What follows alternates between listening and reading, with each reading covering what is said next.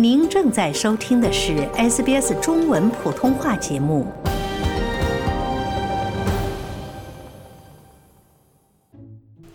各位听众朋友们，欢迎收听本期的 SBS 圆桌健谈节目，我是罗忍陈龙。受传统观念影响，一些孕期的女性认为自己不应该运动，害怕产生对胎儿的风险。但专业理疗师认为，孕前、孕期以及产后运动都能对女性自身的身体以及为当妈妈做好准备，带来诸多的好处。SBS 圆桌健谈节目嘉宾理疗师夏德曼将为大家详细讲解备孕期、孕期以及产后运动的重点。本期节目当中，夏医师将介绍如何运动能帮助女性做好当妈妈的准备。处在备孕期的朋友们，一起来听一听吧。那我们今天主要呢聊一下这个，包括备孕期、怀孕期间以及产后的女性朋友们可能比较关心的一个话题，就是我可不可以运动，然后我怎么样去合理的运动。不至于伤害到我的身体或者我的宝宝。嗯，那我首先想知道一下的是，像我们女性朋友们在备孕期、包括怀孕期间以及产后，那遇到哪些问题是可以寻求像您这样的理疗师来寻求一个帮助的呢？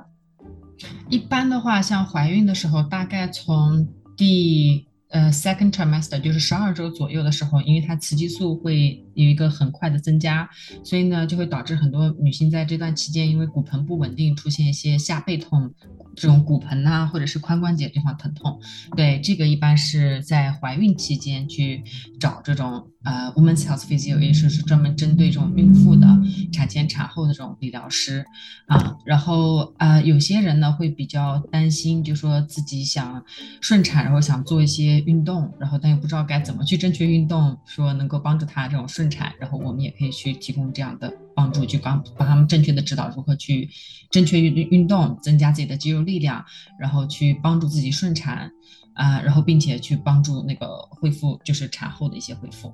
啊，产后恢复是不是包括像一些恢复身材啊，再包括恢复产后的一些可能会导致的一些身体状况都可以的。对，然后一般是要看你是顺产还是剖腹产这两种情况啊，它产后恢复的主要的目的都不太一样。因为如果是顺产的话，一般不管是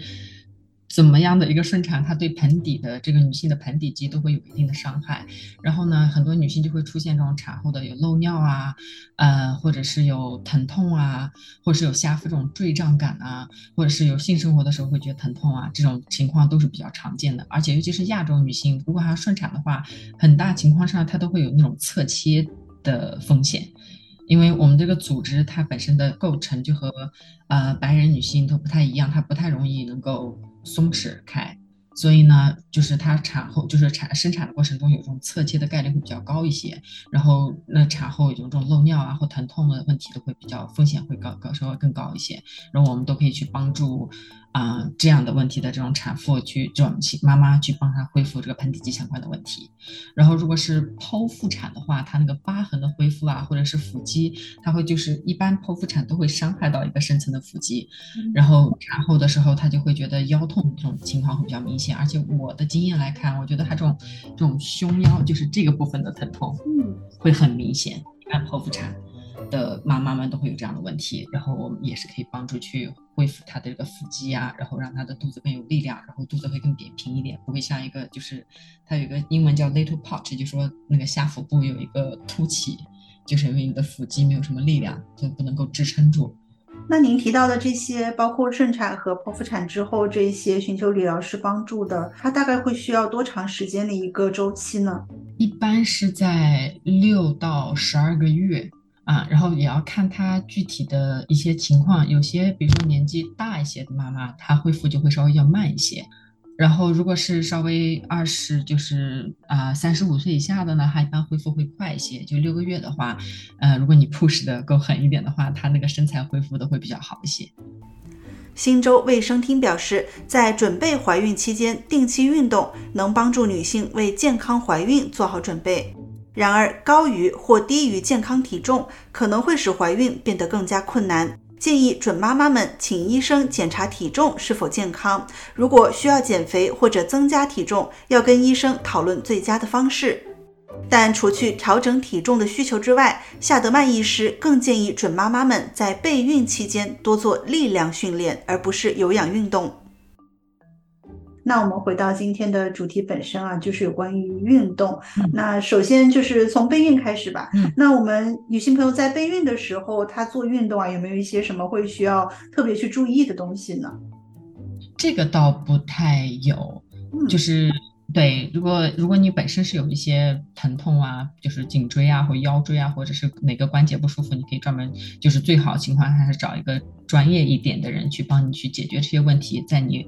怀孕之前就把这些问题解决掉，以至于你怀孕的时候，可能因为怀孕的时候大部分人都会有一点下背不舒服这种情况。如果你能够及时的去锻炼到正确的肌肉，然后增加它的核心稳定的话，就可以预防怀孕的时候出现这样的问题。但如果是具体的禁忌针，倒没有太就说不许你备孕的这段期间就没有说不能做这些，不能做那些。嗯，那像您提到备孕的时候，其实做一些有针对性的运动，可能会让怀孕的整个过程稍微的轻松一些。嗯，是，就运动的时候，其实会增本身去帮助她增加，就是让自己身体会有更多能量。然后有些孕妇哈，她本身不是很喜欢运动的话，她会发现孕期最后的时候就走路都很困难，因为就没有太多肌肉，然后又要去啊 hold 住这么重的一个宝宝，所以就会比较困难。但如果你整个孕期或者是呃，在没有怀孕之前的时候，就做很多这种力量训练的话，其实是能够帮助她让整个孕期以及产后恢复会更好一些。啊，那这种类型的训练可以简单说一下，就是大概会需要针对哪一个部分的肌肉会更好吗？呃，其实最主要是力量训练，就是啊，因为像有些人会去跑步，有些人会去游泳，然后有些人会去骑自行车，然后有些人会去健身房举铁这种的。我呢会比较。偏就是说，去鼓励妈妈们去多做一些这种力量训练，比如说普拉提，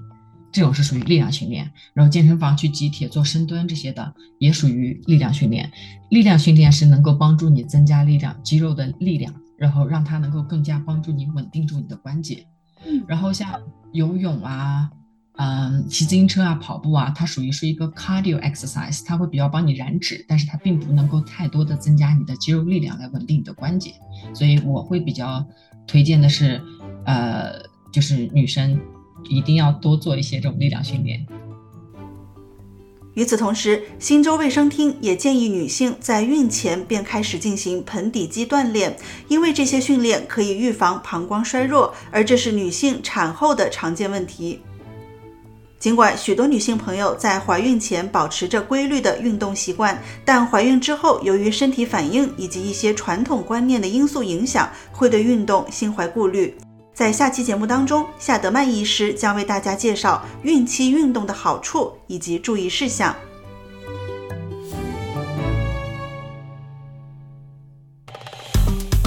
喜欢、分享、评论。欢迎您在 Facebook 上关注 SBS 普通话页面。